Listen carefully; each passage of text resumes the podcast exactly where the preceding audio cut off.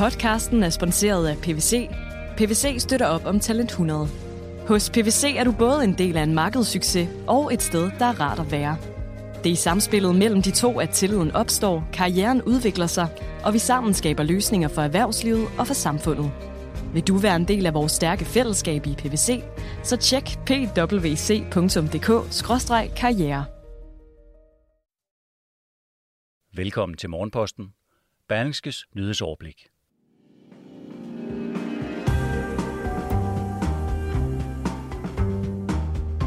Og med søndagsudgaven af Morgenposten får du et overblik over dagens vigtigste historier. Godmorgen, det er den 8. august. Jeg hedder Mette Melgaard. Lægeforeningen presser nu i Berlingske på for at få politikerne til at gå hårdere til værks mod de unges drukkultur. Nyborgerlige er klar med en drastisk plan, der blandt andet indebærer at sænke skatten voldsomt og skære 100.000 offentlige ansatte. Og så vender tusindvis af danskere tilbage på arbejdspladsen efter sommerferien. Eller gør de nu også det? Vi begynder med Jyllandsposten, som i dag sætter fokus på flere fangeflugter fra lukkede, topsikrede fængsler, som kunne være forhindret. Blandt andet lykkedes det i efteråret den livstidsdømte Peter Madsen at flygte fra Hersted Vester.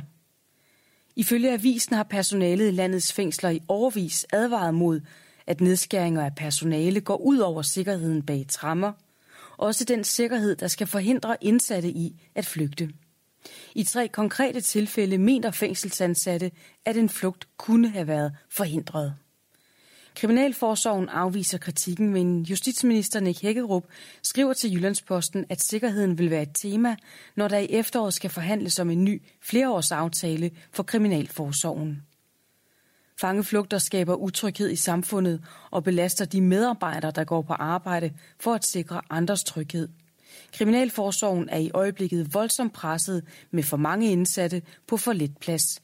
Men sikkerheden må og skal være første prioritet, siger ministeren. Politikerne skal gå hårdt til værks mod de unges drukkultur, mener Lægeforeningen, der presser på for politisk handling i Berlingske. Står det til lærerne, bør der indføres et forbud mod alkohol på ungdomsuddannelserne, og det bør understøttes med et forbud mod at sælge alkohol til unge under 18 år. Og der er en særlig bekymring for det drikkeri, der for alvor tager fat, når de unge forlader folkeskolen og går i gang med en ungdomsuddannelse. Formand Camilla Noel Ratske siger til Berlingske, at det stikker fuldstændig af, når de unge kommer på gymnasiet eller ind på en erhvervsuddannelse. Her er der ingen regler, men derimod grimme historier om for eksempel ritualer eller traditioner, der involverer massive mængder alkohol, siger hun. Der er brug for en borgerlig værdikamp. Det mener nye borgerliges leder Pernille Vermund. Med en ny og omfattende plan lægger partiet op til at sænke skatten med over 100 milliarder kroner på alt fra arbejde til biler, aktier, arv og virksomheder. Til gengæld skal der skæres markant i den offentlige økonomi, hvor der blandt andet skal være 100.000 færre ansatte.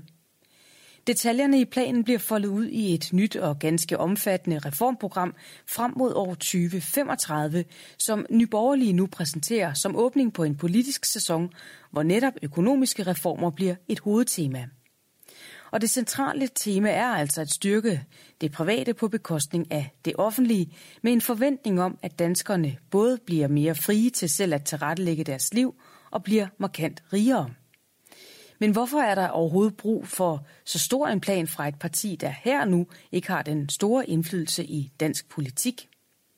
For os handler det ikke om, hvor meget indflydelse vi har, men om, at der er brug for en borgerlig værdikamp og et opgør med den socialdemokratiske tankegang, som de borgerlige har lavet sig lulle ind i, hvor man bare siger, at den offentlige sektor er fin, og at den skal vokse stille og roligt, siger Pernille Vermund til Berlingske. Det er Kasper Kildegård og Henrik Jensen, der har lavet et stort interview om planen med Nyborgerliges leder til søndagens avis. Og den kan du naturligvis også finde på berlingske.dk. På Rådhuset i København er der også kommet gang i det politiske liv, Og her får et indgribende politisk program fra Enhedslisten København flere politikere til at rejse en kras kritik af partiet og dets ønsker til fremtiden for hovedstaden. Blandt andre Socialdemokraten Jonas Bjørn, medlem af borgerrepræsentationen i Københavns Kommune, som kalder det en farlig vej at gå nedad. Det politiske program tæller blandt andet en markant omlægning af det kommunale selskab By og Havn, hvor københavnske skatteydere ender med en tocifret milliardgæld.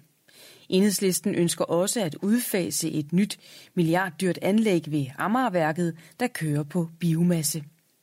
Enhedslistens Karina Vestergaard Madsen forklarer, at partiet grundlæggende ønsker et opgør med de sidste 30 års boligpolitik i hovedstaden, der har presset priserne i vejret og mange mennesker ud af byen.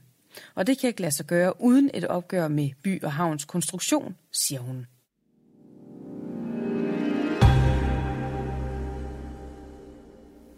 For tusindvis af danskere er sommerferien slut, og det er tid til at vende tilbage til arbejdspladsen. Eller er det? For det seneste halvandet år har jo rusket godt og grundigt op i mange arbejdsliv, hvor hjemmearbejde og videomøder er blevet hverdag. Og i Berlingske giver en række store virksomheder deres bud på, hvordan vi kommer til at arbejde i efteråret, hvor de fleste er vaccineret. Og særligt én ting går igen hos dem alle. Det bliver muligt at skifte fleksibelt mellem det fysiske fremmøde på kontoret og hjemmearbejde.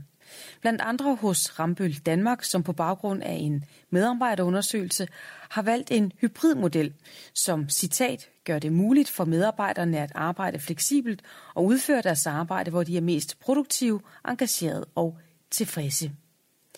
Der er naturligvis forbehold øh, i forhold til eventuelle nye smitteudbrud eller mutationer. Men allerede nu synes grundstenene alligevel lagt til fremtidens arbejdsliv.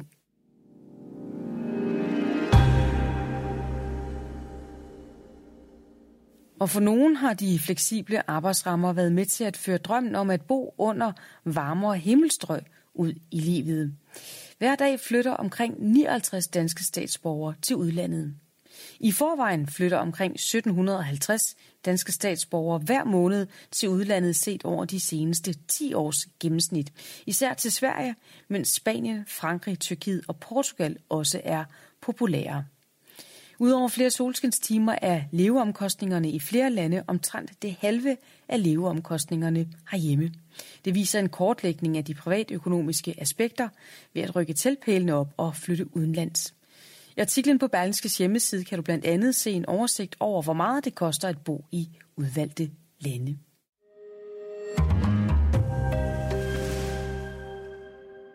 Det er ikke ligefrem en stille og rolig søndag, der venter, når vi tager en blik på udvalgte begivenheder.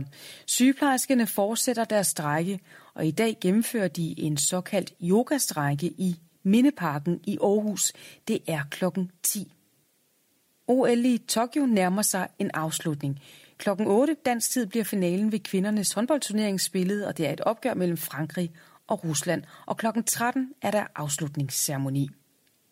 En time før det hele slutter i Tokyo, altså klokken 12, afholder den argentinske fodboldstjerne Lionel Messi pressemøde på FC Barcelona stadion Camp Nou. Det sker tre dage efter bruddet med den spanske storklub. Herhjemme bliver der rent faktisk spillet fodbold på flere stadions i Superligaen, hvor Randers og Sønderjyske mødes kl. 14. Kl. 16 gælder det derbyet mellem FC København og Brøndby, og to timer senere, der tager OB imod AGF.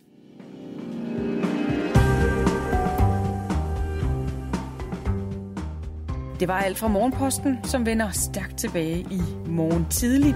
Du kan som altid lytte med fra klokken 6. Rigtig god søndag, og tak fordi du lyttede med.